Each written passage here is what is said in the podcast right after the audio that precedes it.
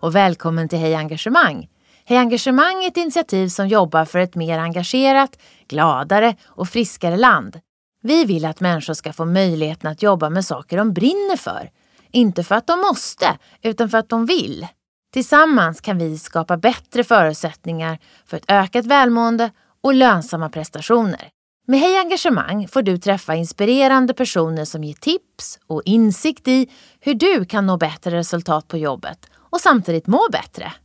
Nu kör vi! Hej alla lyssnare och välkomna till ett nytt avsnitt av Engagemangspodden.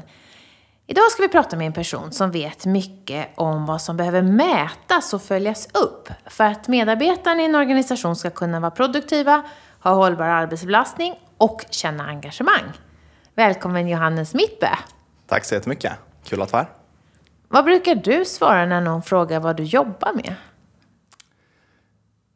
Det beror på vem som frågar, men eh, jag har som person en ganska låg profil. Eh, brukar säga att jag jobbar med försäljning eh, och eh, ja, i ett IT-bolag. Eh, inte dramatisera det för mycket. Men vad är det egentligen du jobbar med? Ja.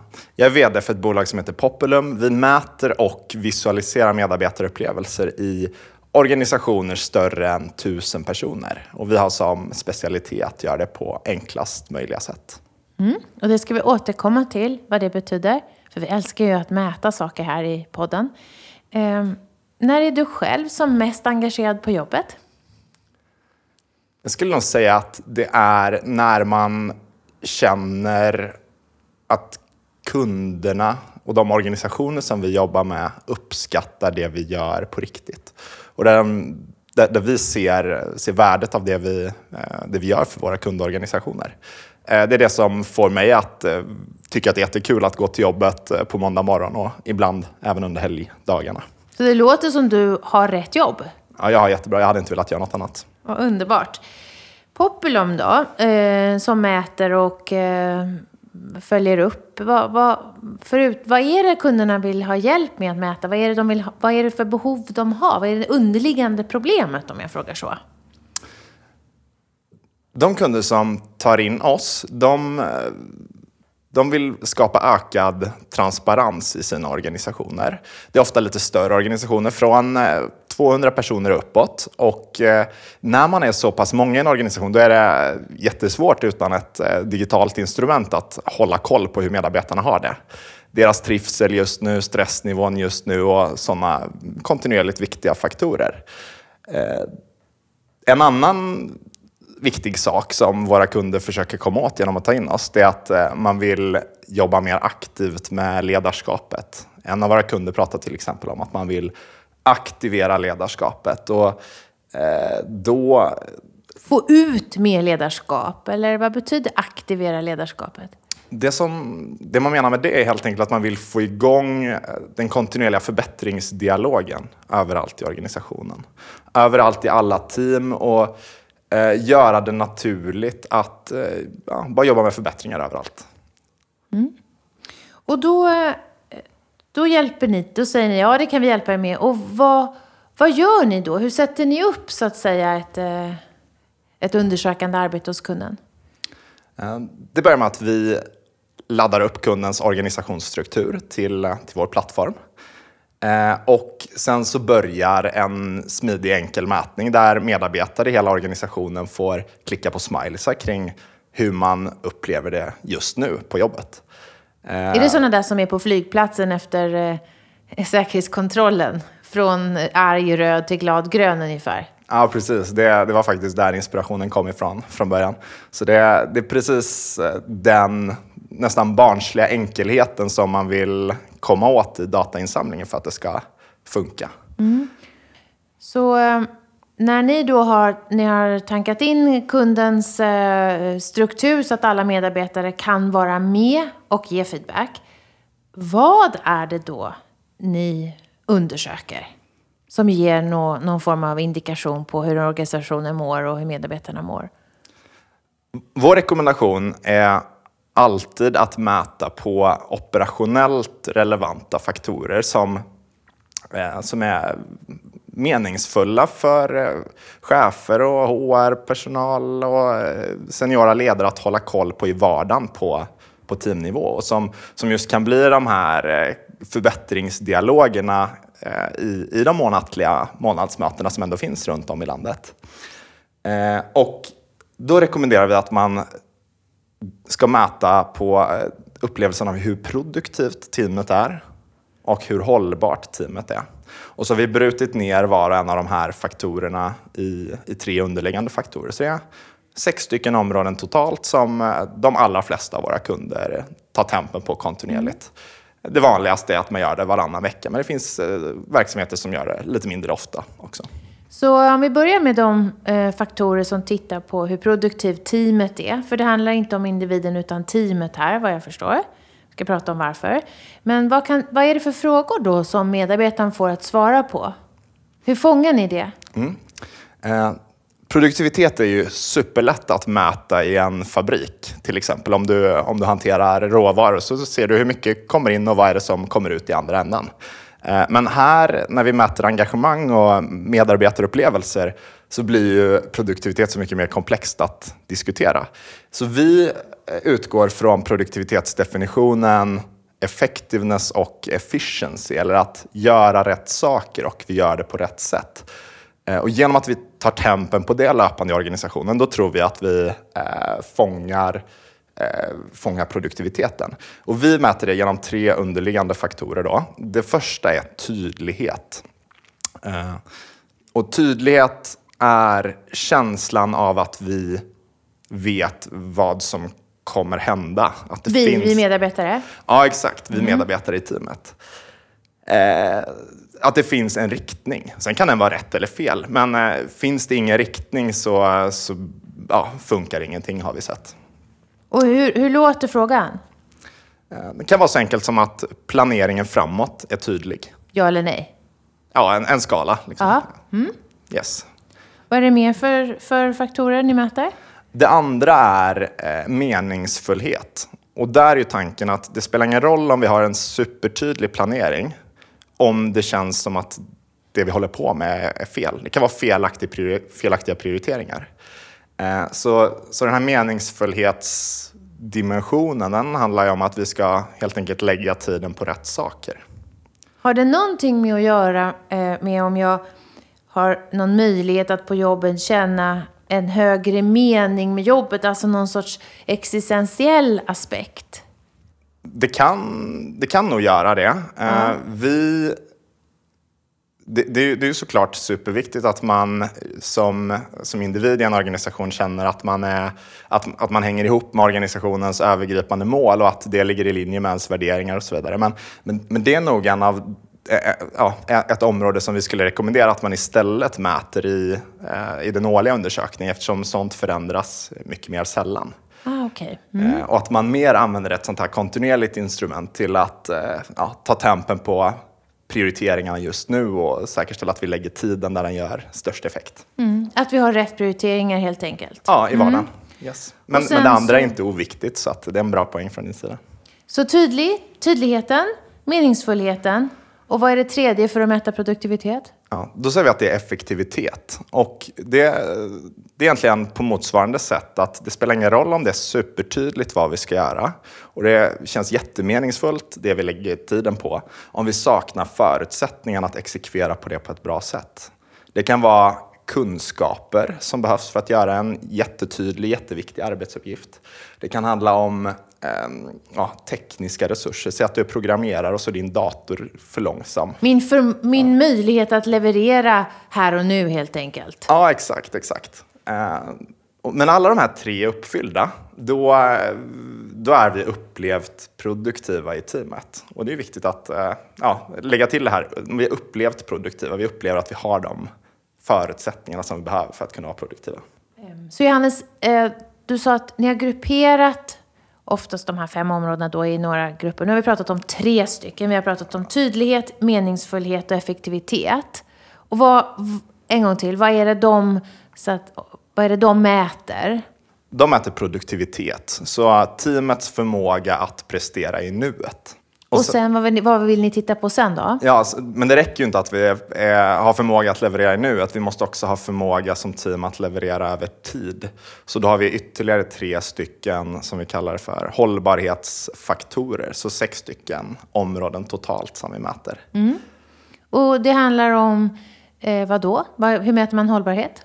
Ja, men det, det är en av de viktigaste områdena eh, och det här har ju ja, det, är också det som har forskningsgrund i våra produktivitetsfaktorer. Att arbetsbelastningen måste vara på en hållbar nivå.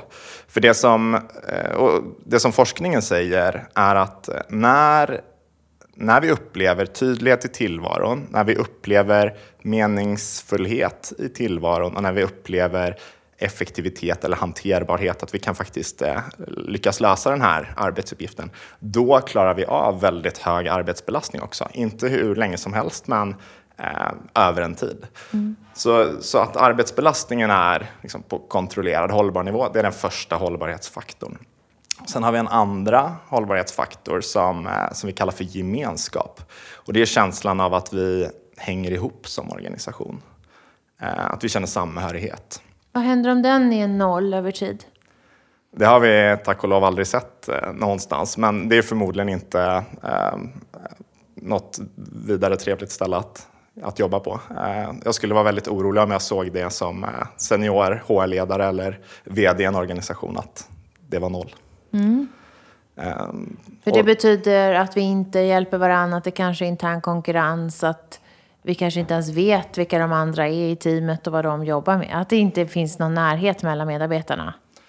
Ja, det är förmodligen en korrekt tolkning. Uh, och så kan det säkert se ut i, uh, i, en del organisationer idag när man inte har den här informationen. För normalt sett, och fortfarande vanligast, är att man bara får in den här datan en gång per år eller vartannat år i uh, ja, traditionella medarbetarundersökningar. Mm. Och sen vad var den, du sa att det är sex faktorer ni tittar på. Vad är den sjätte då? Ja, men den sjätte kallar vi för entusiasm och fånga trivsel överlag eh, i teamet. Och det är också viktigt för att, eh, ja, för att ha en hållbarhet över tid. Till exempel att medarbetare inte ska, eh, ska sluta. Är det där någonstans, vi som är så engagemangsfokuserade här i podden, är det där någonstans som eh, vi kan säga att det är en sorts mått på på engagemang, det här sista? Eller skulle du säga att alla faktorerna påverkar engagemanget? Det där är en jättebra fråga. Ehm, vi, vi brukar, och det var, det var därför det var lite kul också att bli inbjudna hit till, till Engagemangspodden, för att vi, eh, vi brukar undvika att säga att vi eh, mäter engagemang. För att det, så många olika personer och organisationer lägger så olika värderingar i vad de, vad de menar med det. Och det finns ju Eh, kanske ja, lika många olika definitioner som antal personer som tycker det är viktigt. Eh, tittar vi bara konkret på det vi brukar mäta på så tror jag inte man kan säga att till exempel hållbar arbetsbelastning, att det är en liksom, jättevanlig, tydlig engagemangsfaktor. Eh, men vi mäter också tydlighet, tydlighet i vad som kommer hända härnäst. Och det är ju en eh, liksom vedertagen faktor eh, inom engagemang, att det här är, det här är engagemangsdrivande, att man, att man känner den tydligheten. Eh, så vi, vi pratar om medarbetarupplevelser istället och jag tror faktiskt att många av våra kunder, de, de kanske inte ens tänker på det här som ett eh, engagemangsverktyg utan de tänker på det som att det är eh, ja, viktigt för, för ledarskapsutvecklingen i organisationen. Vi har kunder som eh, inte alls kopplade till engagemangsagendan utan eh, man ser det som ett arbetsmiljöverktyg för att eh, ja, arbetsbelastning är viktigt att ta tempen på i Sverige. Um, ja, jag vet inte om det Så deras, eh, om man ser det som en ekvation så ser de till exempel att tydlighet leder till bättre resultat. Inte att man går omvägen om att tydlighet leder till engagemang som leder till bättre resultat. Så som vi ofta pratar om det här i podden. Ja, nej, men det är nog, eh, det är nog korrekt. När vi, eh, när vi, eh, ja, våra, våra kunder ser en jättetydlig koppling mellan till exempel tydlighet och affärsresultat. Och man behöver inte ta mellanlandningen i att definiera det som engagemang. Så. Om vi går tillbaks till det här arbetssättet som det här, det här är ett arbetssätt ett, ett, för att jobba med förbe, förbättringsarbete, som du säger, kontinuerligt förbättringsarbete. På vilket sätt gör ni det då smidigare? Varför blir det lättare eh, för chefer att faktiskt jobba aktivt med, sin, med sina team? Ja, för att... Eh, ska svara Handlar på det, det om att, eh, att det är därför att de har tillgång till den här datan då? Att det är därför som det är så lätt att, att, att se hur de olika insatserna slår? Eller varför är det så värdefullt att kunna mäta och ha tillgång till den här datan? Man kan väl eh, sammanfatta det som att uh, what gets measured gets done. Och genom att man mäter någonting eh, så, så sätter man ju fokus på det också. Därav att det är så oerhört viktigt att det, vi, eh, ja, det, det, man mäter kontinuerligt, att det är operationellt relevant. Att vi faktiskt vill att det är någonting som ska funka överallt i hela organisationen. Nästan som hygienfaktorer. Eh, och genom att vi löser det här första steget i kedjan som behöver funka, nämligen den supersmidiga datainsamlingen.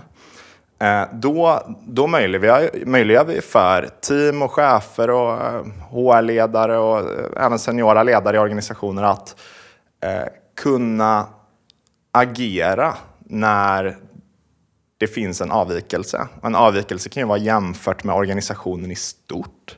Det kan vara eh, jämfört med föregående månad eller föregående två veckors period. Eh, och en avvikelse, och det är lätt att man glömmer det, en avvikelse behöver inte bara vara något negativt, liksom, utan en avvikelse kan vara positiv. Det är så lätt att man stirrar sig blind på eh, där det lyser rött och där, där det går ner, men det, det roliga är ju att använda den här informationen för att sprida success stories och hitta de goda exemplen och använda det som eh, liksom interna lärdomar kring mm. hur man kan förbättra. Och jag som är så intresserad av lärande, jag hade gärna fått lite negativt, för då har vi en större förbättringspotential, tänker jag, i mitt team. Ja, eh, och det, det tyder ju på att eh, du hade varit en väldigt bra ledare då i, i, i vårt tool eh, och hade kunnat hantera eh, resultaten på ett bra sätt. Det vi vet dock är att det finns många ledare som inte har den inställningen. Eh, man, kanske, man kanske var jättebra, jättebra som specialist och har blivit sen befordrad till någonting som man kanske inte brinner för. Det är inte alla som brinner för ledarskap på, på det sätt som, som du gör. Eh, och, och, då, och, och, det är också kopplat till vad som är viktigt när man, när man väljer vad man ska mäta på. Vi har som en av våra viktigaste principer, oaktat om man mäter på våra, eh, ja, sta, vårt standardramverk med de sex stycken produktivitets och hållbarhetsfaktorerna. Eller eh, ja, vi har kunder som, som mäter på kultur och andra stora transformationsprogram som man gör i sina organisationer. En av de viktigaste sakerna som vi har upptäckt och som vi alltid rekommenderar våra kunder när, när de formar sina egna mätområden, det är att eh, inte eh, mäta, eh, inte fråga om chefen explicit.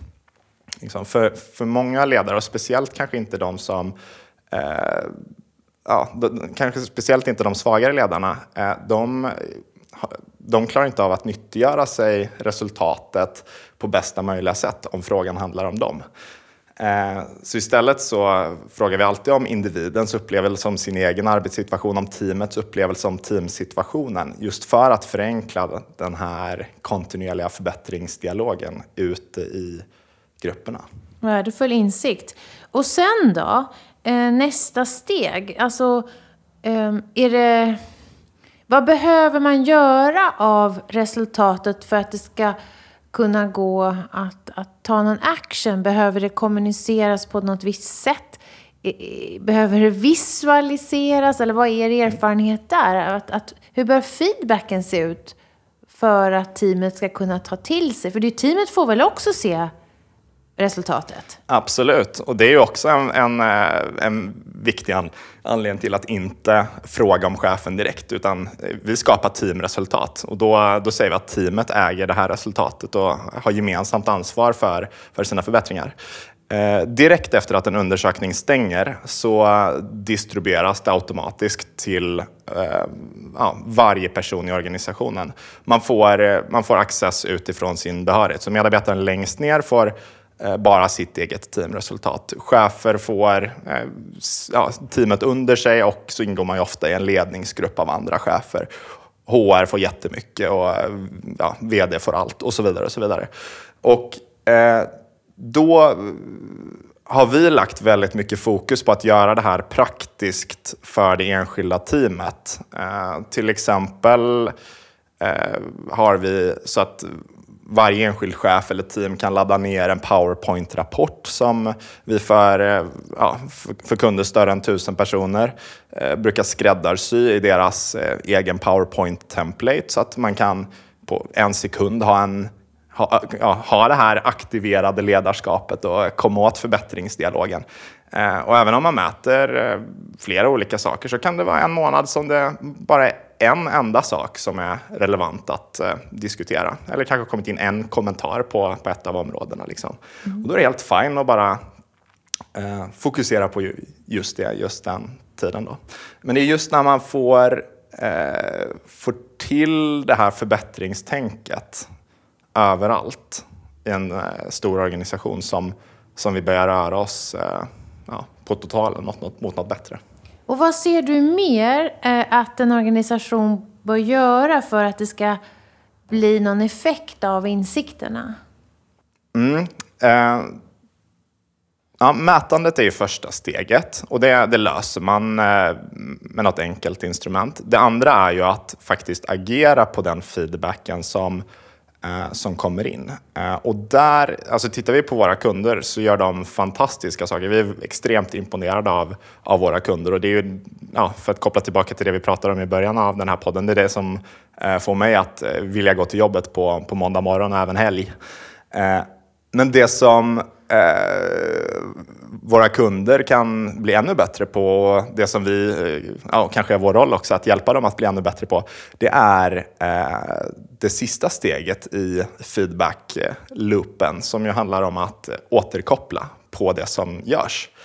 Eh, för det organisatoriska minnet är extremt kort. Eh, det alltså våra, våra ledare, oavsett om det är HR-ledare eller om det är en stark affärsområdeschef som brinner för att eh, ja, förbättra sina organisationer. De, de börjar ju mäta för att de faktiskt vill skapa förbättringar. Eh, och, och, det är ju det stora jobbet, att, eh, att genomdriva de förbättringarna. Eh,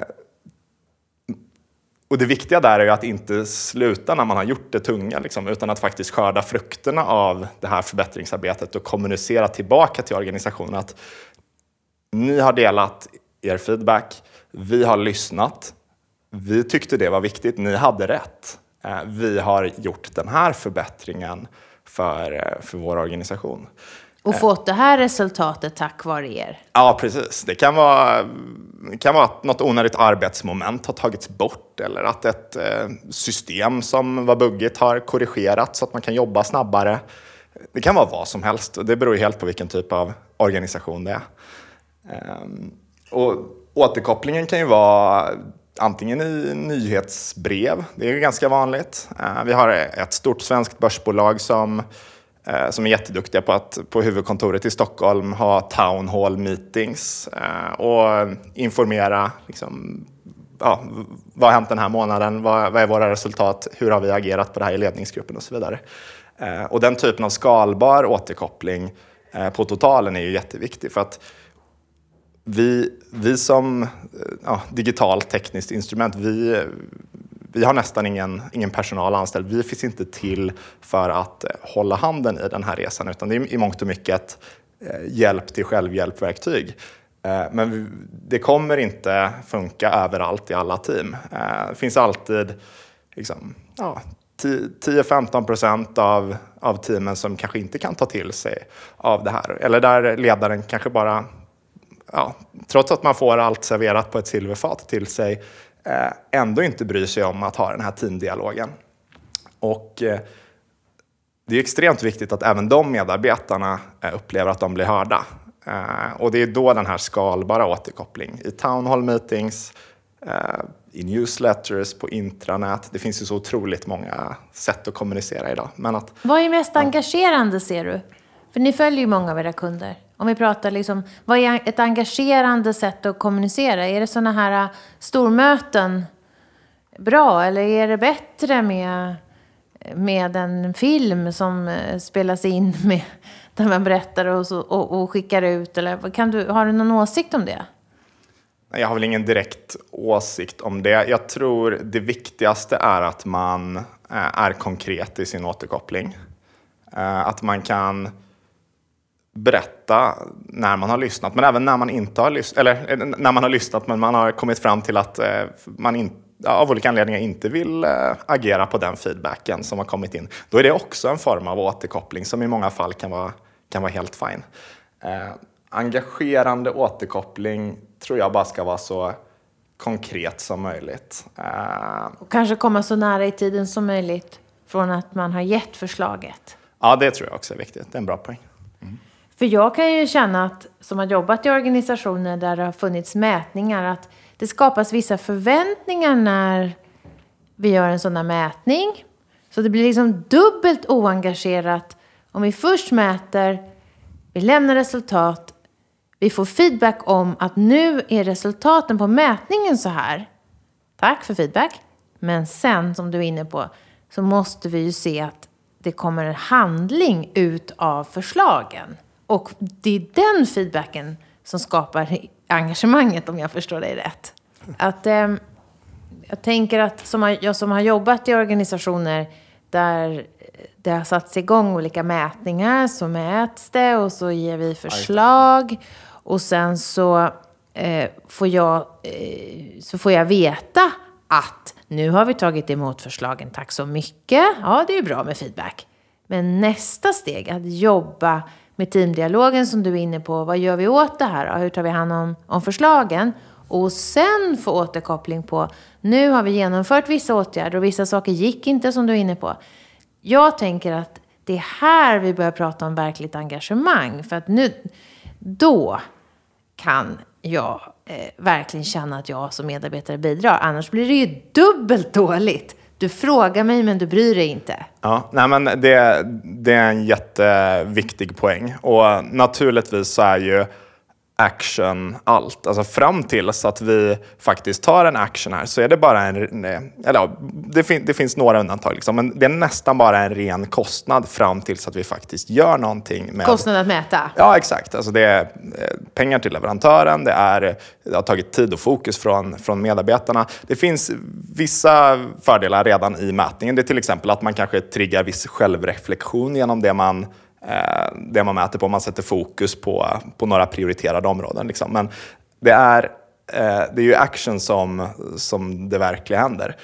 Eller det, det, är, det är ju actionen som värdet släpps loss. Och sättet som vi alltid rekommenderar för våra kunder att eh, nyttja en sån här kontinuerlig kontaktyta, det, det är ju att förenkla för action genom att hålla det operationellt relevant. Inte använda den kontaktytan till att eh, ta tempen på sånt som är långt från medarbetarnas vardag. För det blir automatiskt sånt som är väldigt svårt att korrigera. Utan alltså, man ska nästan hålla det löjligt enkelt och... Fråga om ja. det som det går att göra någonting åt i närtid. Ja, hygienfaktorer i verksamheten. Eh, för det är då vi kan göra de här snabba korrigerande besluten som faktiskt är viktiga för vardagen ute i organisationen. Finns det någonting med... Um, mm, finns det någonting som är viktigt med när det gäller när man startar upp? Uh, som, som, som ni har lärt er nu efter att ha mött ganska många organisationer som börjat mäta kontinuerligt? Ja, alltså det, det är en jättebra fråga. Det, det är en ganska stor skillnad mellan vad organisationer tror och vad som är verkligheten. Eh, man tror att det är liksom tekniskt komplicerat att eh, komma igång. Men eh, den verkliga, jag ska inte säga utmaningen, men det som man inte vet är viktigast. Det är vikten av kommunikation inför uppstarten. Att, förklara varför gör vi det här? Förklara varför vi gör det här. Alltså det, är ju ändå, det är ju i och för sig en högre nivå av kommunikation. Det mest grundläggande, grundläggande är att informera om att det kommer hända. Eh, vet man inte att det kommer hända, då, ja, då, då, tror man att det är spam som skickas ut. Liksom. Mm. Eh, så det är ju steg ett. Varför är ju ännu bättre. Liksom. Och, och, lite guidance om hur man ska hantera de här resultaten och vad som kommer komma och så vidare. Då är vi ju han. Mm. Eh, och, ja, där eh, har ju vi gjort en stor eh, vad ska man säga, utvecklingsresa som bolag under Eh, Eh, under senaste åren. Jag kommer ihåg våra första kommunikationspaket som, som, som kunderna fick där vi till exempel missade grundläggande saker som att informera om att det här är en återkommande mätning. Och liksom, en hel organisation blev jätteförvånad när andra mätningen kom för att eh, vi hade missat den lilla detaljen. Eh, så ja, man lär sig. Hur påverkas då eh, organisationen? Eh, kan du ge några exempel eller lite sådär goda go solskenshistorier? Hur påverkas en organisation när man börjar mäta kontinuerligt men framförallt då börjar följa upp kontinuerligt? Mm. Eh, nej men det första som händer är att eh, organisation, eller, ja, det, det, får olika effekter i olika delar av organisationen. Eh, organisationens starka ledare som redan har bra koll på sina team och aktiverat ledarskap och bra, bra dialoger och öppet, eh, högt i tak. Liksom. De upplever tidsbesparing. De upplever systematik och att eh, någonting som de har behövt administrera tidigare själva nu blir automatiserat. Eh, och det är ju ett värde. Liksom.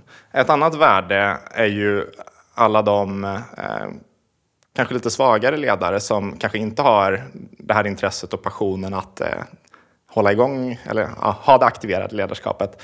Eh, för dem så blir det här en trigger point att eh, faktiskt komma igång eh, på smidigast möjliga sätt. Funkar inte alltid, men det blir en, eh, ett bra tillfälle att starta. Eh, en annan sak som är ganska intressant som händer, det är, det är ju skillnaden mellan eh, första tillfället som man mäter och eh, liksom ett par månader därefter när man, när man är igång med processen. Första tillfället med eh, vår mätning är ju inte annorlunda mot en ja, mot när man tar emot resultatet från en traditionell årlig medarbetarundersökning det är jättenervöst och jättekänsligt och alla är jätteoroliga. Men vad händer efter ett par månader? Eh, det som händer då är att man har istället höjt, eh, liksom, eh, tak, höjt taket liksom, i, i samtalsklimatet. Det här som inledningsvis är superkänsligt kopplat till anonymitet och vet chefen vem som är jag och så vidare. Det, har, det byts istället ut mot att Eh, medarbetare helt frivilligt, helt öppet säger det är jag som är det här röda svaret den här veckan. Liksom. Och, och, och, den resan, att se det återkommande i, eh, hos alla våra kunder är ju väldigt intressant. Väldigt svårt att gå tillbaka till att inte jobba hos oss sen, tänker jag. Ja, det har ju faktiskt aldrig hänt. Så, ja. Eh, ja, nej, men andra saker som händer är ju att man eh, också ja, får, har fått transparens i sin organisation eh, för första gången. Om man är en seniorledare eller HR business partner eh, någonstans. Eh, och det har ju, hänger ja. ihop med det som ni pratar om tydlighet. Alltså jag tycker transparens och tydlighet hänger ihop. Man slipper gissa. Eh, transparens har att göra med att informationen flödar mer fritt. Jag behöver inte leta, behöver inte gissa, behöver inte spekulera, eller hur? Ja, eh, men, men det som jag tänker på med transparens det är, det är ju egentligen att, eh, att ja, en, en, en, eh, en affärsområdeschef till exempel kan få eh, kan få en överblick på sin organisation för första gången ofta eller ja, kontinuerligt för första gången och se var funkar det bra den här månaden och var funkar det mindre bra och kunna rikta fokus. Och sen då, och där kopplar ju på precis det du, det du nämnde nu, att eh, kunna översätta den nulägesbilden i eh, en, en relevant korrigerande åtgärd som, som i sig då eh, skapar tydlighet ute i det specifika teamet. Mm. Alltså det är så underbart det du berättar om. Eh, jag tänker, har, gör, har resultatet någonting, eller hur, har effekten av det här någonting att göra med vem som är uppdragsgivare? För du har sagt HR-ledare som vill liksom modernisera sättet som HR jobbar, men det kan också vara eh, verksamhetsansvariga eller business leaders. Alltså, spelar det någon roll vem som tar initiativet till det här arbetssättet? Det spelar nog ingen jätteroll. Jag skulle nog säga att eh, uppstartsträckan är nog kortare om det kommer från en business leader. För att eh, är man, eh, ja, är man affärsområdeschef eller eh, ja, vilken vd eller vad det nu kan vara, liksom, då, då har man sin, sin egen budget och kan själv bestämma vad man vill, vill göra i sin organisation. Och vissa av dem ser ju inte ens det vi håller på med här. Alltså ser ju inte engagemang. Alltså man, man har inte ens gjort kopplingen mellan engagemang och HR. För för dem så är är det här ledarskap och det är liksom viktigt för deras ekonomiska överlevnad. Eh, och då blir ju det här liksom ett affärskritiskt verksam, verksamhetsverktyg. Eh, när det är HR som, eh, som tar in oss, då, då krävs det ju alltid att man krokar arm med affären. Eh, för det är ändå, det här finns ju till för, ja, för organisationen och det, det, man, måste kom, ja, man måste ha liksom den här eh, ja, or, organisationen måste förstå att det här finns till för dem och inte för att HR-avdelningen vill ha där. Eh, och det, det är också det som vi tycker är ganska kul och när, när HR-avdelningar hör av sig till oss. Och, ja, det, var, det var en HR-avdelning som sa att vi, eh, vi tycker det här eller det som är så fascinerande med, med den här implementationen är att det är det första system vi har lanserat som faktiskt var uppskattat av cheferna. Jag behöver inte nämna vilken kund det var, men ja, det tycker jag säger någonting om hur eh, svårt det säkert kan vara mm. som, som Lite HR-avdelning. motsättning att, som finns, ja. Mm. Eh, ja, så bara ett exempel. Um, de här um, faktorerna som ni mäter, jag skulle vilja eh, prata lite mer om Eh, Eh, kan man säga att om alla de här... Om, vi, om jag säger att min medarbetarupplevelse är hög på alla de här områdena ni mäter, kan man säga då att då är det här en bra arbetsplats? Eller hur, hur, ska, vi, eller vi, hur ska vi tolka resultatet när alla medarbetare sätter hö, höga värden på de här områdena ni väl, som ni väljer att mäta? Nej, jag, jag tror det är eh, jätteviktigt att inte, inte landa i slutsatsen att eh, allt är fantastiskt. Eh, det finns alltid förbättringsutrymme och man måste också se till en avgränsning som man gör när, när, man, eh, när man har ett antal KPI eller ett antal eh, ja, mätområden som man följer kontinuerligt. Det, det är Eh, vardagsnära faktorer. Ehm, jag tror man kan dra slutsatsen att det här teamet har det bra i sin vardag. Det säger ingenting om eh, synen på arbetsgivaren överlag. Det säger ingenting om förståelsen för vår övergripande strategi. Det säger ingenting om eh, ja, vad vi tycker om vår monetära ersättning på jobbet. Det säger ingenting om rekommendationsbenägenheten av arbetsgivaren och så vidare. Och så vidare. Alla de här sakerna som också är jätteviktiga och som man kan mäta en gång per år och som redan, som redan mäts. Det jag tror man kan säga är att eh, det här teamet eh, uppfyller alla hygienfaktorer. Eh, som man kan, och, och, allt man kan förvänta sig ska funka i ett team. Mm. Det tror jag man kan säga. Mm. Och det är nog så gott eftersom så många team famlar och ledare famlar lite i blindo. Um, vi, eh, vi skulle jättegärna vilja fråga dig om, om eh, det här med engagemang. Eh, för att vi slutar alltid podden med att fråga om du var engagemangsminister för en dag. Vi säger att vi hade ett engagemangsdepartement som hade bestämt sig för att jobba med med, o, med engage, lågt engagemang kopplat till ohälsa och nu ska vi höja engagemanget i Sverige. Vad skulle du göra då? Ja, jag har ju hört den här frågan i, i tidigare poddar. Eh, och det som... Ja, ja, har, har man bara en dag på sig eh, så, så, så skulle jag ju se till att ja, använda den väl. Det jag tror att jag skulle vilja göra det är att eh, tillsammans i, i regeringen eh, fatta ett beslut, jag vet inte ens vad det heter, inriktningsbeslut eller styrdirektiv om att våra offentliga verksamheter i Sverige, som är en betydande del av det svenska samhället, ska ligga i framkant kopplat till engagemang.